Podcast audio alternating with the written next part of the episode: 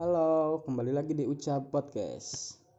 Tetap stay tune terus di Ucap Podcast. Sehat-sehat semuanya. Oke, Pi. Lanjut ke pertanyaan ketiga. Oke.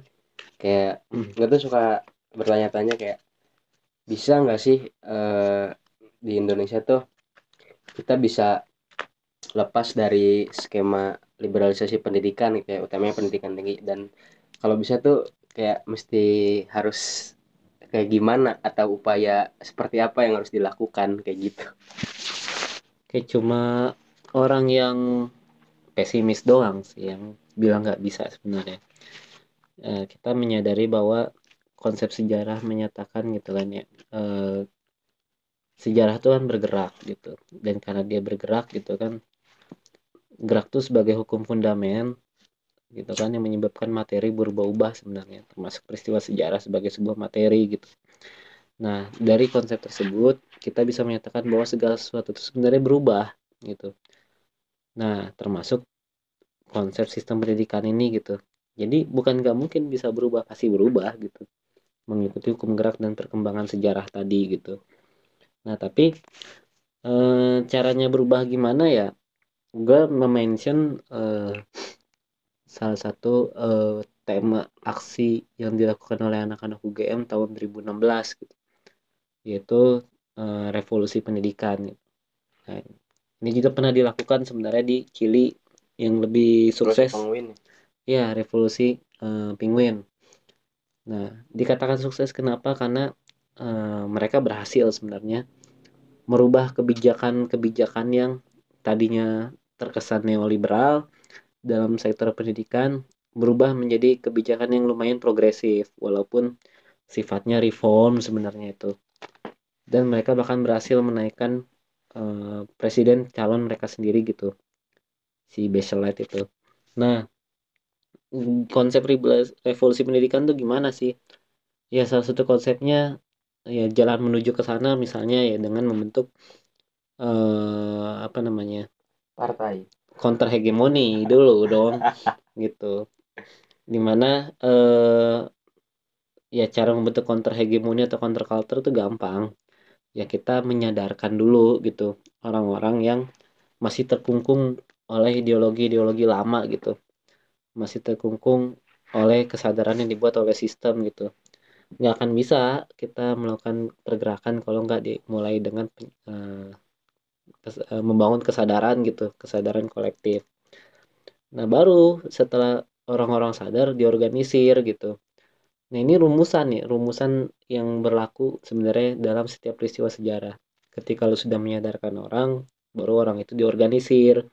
Dan ketika sudah diorganisir baru orang itu diajak gerak. Nah ini rumusannya kayak gitu gitu.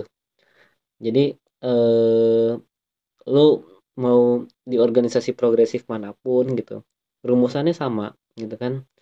Membangkitkan kesadaran mengorganisasikan dan menggerakkan sebenarnya.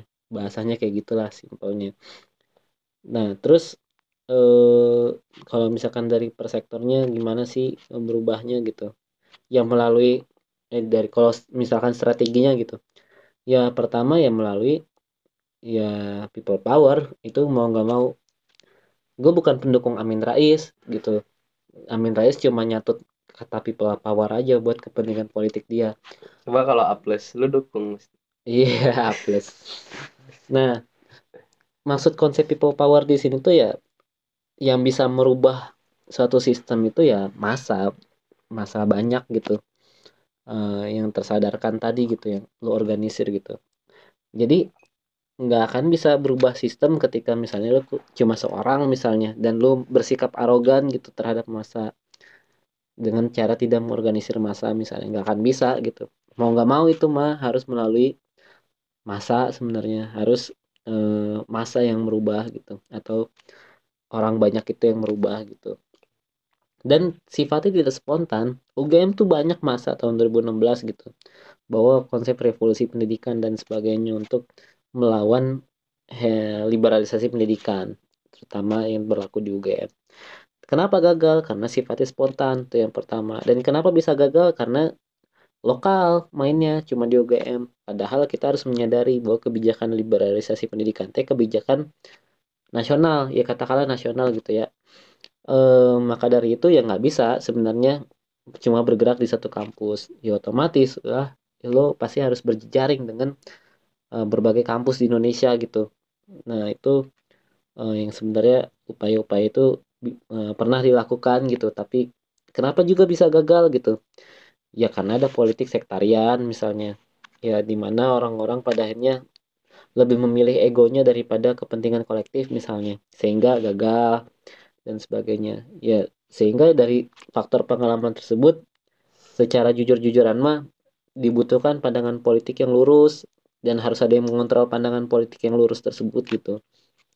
Nah atau Siapa Pi, yang harus mengontrol pandangan politik itu Pi? atau yang memimpin gitu. Ya Vanguard siapa lagi gitu.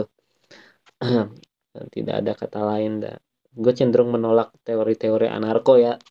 Karena eh, sepanjang sejarah anarko tuh selalu jadi korban sejarah gitu. Dan gue nggak mau jadi korban sejarah gitu. Nah maka dari itu ya skema-skemanya kayak gitulah untuk merubah gitu. Dan lu nggak akan bisa sebenarnya merubah eh, sistem pendidikan nasional kalau tidak menggait orang tua lu gitu. Tidak menggait dosen-dosen eh, tidak menggait eh, ibu-ibu kantin misalnya atau tukang ojek di sekitaran kampus lu. Atau eh, apa pekerja-pekerja kampus lah ya. ah, pekerja-pekerja kampus. Karena eh, secara langsung maupun tidak langsung mereka juga terdampak sebenarnya dari sistem liberalisasi pendidikan gitu sehingga ya itu suatu konsekuensi logis lo harus mengorganisir mereka juga gitu. Maka dari itu revolusi pendidikan itu sebenarnya bagian dari eh, revolusi rakyat atau revolusi sosial secara keseluruhan gitu. Ya, itu tidak bisa tidak gitu. Ya, kelihatannya gue ngomong gampang dan memang ngomongnya gampang gitu. based on the fact mah susahnya minta ampun gitu Eh, karena apa? Karena lu menghadapi hegemoni dari penguasa lu menghadapi ideologi dari penguasa. Itu baru dari aparatus ideologisnya belum dari aparatus represifnya. Contohnya dari pejabatnya dari hukumnya dari para militer sampai militernya gitu kan.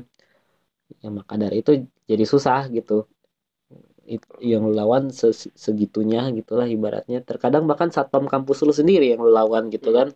Ketika aksi di kampus. Ya. iya gitu. Walaupun sebenarnya itu salah gitu. Ya apa namanya itulah eh, realitas perlawanan gitu. Tapi yang terpenting ya cara-cara untuk merubahnya seperti itulah. Jadi berarti Pi eh, ketika ingin ngubah sistem pendidikan ya ya kita harus harus ngubah dulu sistem negaranya atau kayak apa namanya bisa sambil dengan apa namanya eh, gerakan-gerakan kayak mahasiswa pelajar untuk apa untuk bikin suatu hal yang bakalan menyambut ke apa namanya menyambut ke arah revolusi pendidikan. Ya sebenarnya tinggal memposisikan sebenarnya. Eh lu memposisikan revolusi pendidikan sebagai strategi reform menuju revolusi sosial atau memposisikan revolusi pendidikan sebagai eh, revolusi kebudayaan yang terjadi setelah revolusi sosial gitu. Sehingga ya lu tinggal menempatkan aja strategi mana nih yang cocok menempatkan revolusi pendidikan sebelum revolusi sosial apa sesudahnya gitu. Tentunya untuk menempatkan itu lo harus melihat dulu kondisi, Kondisi konkret. ah, kondisi konkret atau objektifnya gitu. Jadi ada dua cara eh, luas kok sebenarnya untuk merubah pendidikan tuh. Gitu sih kira-kira. Revolusi penguin di Chili dia strateginya reform pra revolusi sosial gitu kan. Atau contohnya revolusi kebudayaan di Cina dia strateginya ya setelah revolusi sosial baru ada revolusi pendidikan gitu. Kebudayaan. Nah, yang namanya eh, revolusi Revolusi kebudayaan. Tiongkok. Jadi ada dua cara itu tuh gitu kira-kira. Yang jelas eh, yang jelas ya upaya itu perlu perjalanan panjang perlu jalan panjang untuk apa namanya bisa melakukan sebuah apa perubahan yang total gitu untuk mengubah sistem. Nya kata kanjeng Nabi Muhammad oge da istiqomah. Dah, gitu. istiqomah ya ya i. oke Pi Eh, ini pertanyaan terakhir ya nanti eh, apa namanya bakalan kita tanyain mengenai eh, kayak pesan-pesan dan kesan lu eh, buat kawan-kawan yang lain gitu. Biar apa eh, sama juga biar menyadari bahwa ya kondisi sosial utamanya kondisi pendidikan di Indonesia ya benar-benar lagi nggak baik-baik aja gitu dari dulu Oke. sampai sekarang. Nah, itu tadi pertanyaan di part 3 mengenai bisa nggak sih sebetulnya Indonesia itu terbebas dari liberalisasi pendidikan. Oke, dan gue juga bakalan ngingetin ke teman-teman bahwa masih ada satu part, part 4 sebagai part, part terakhir kita. Pokoknya tetap stay tune terus di eh, channel podcast kita. Gue Ijal, sampai jumpa. Sehat selalu.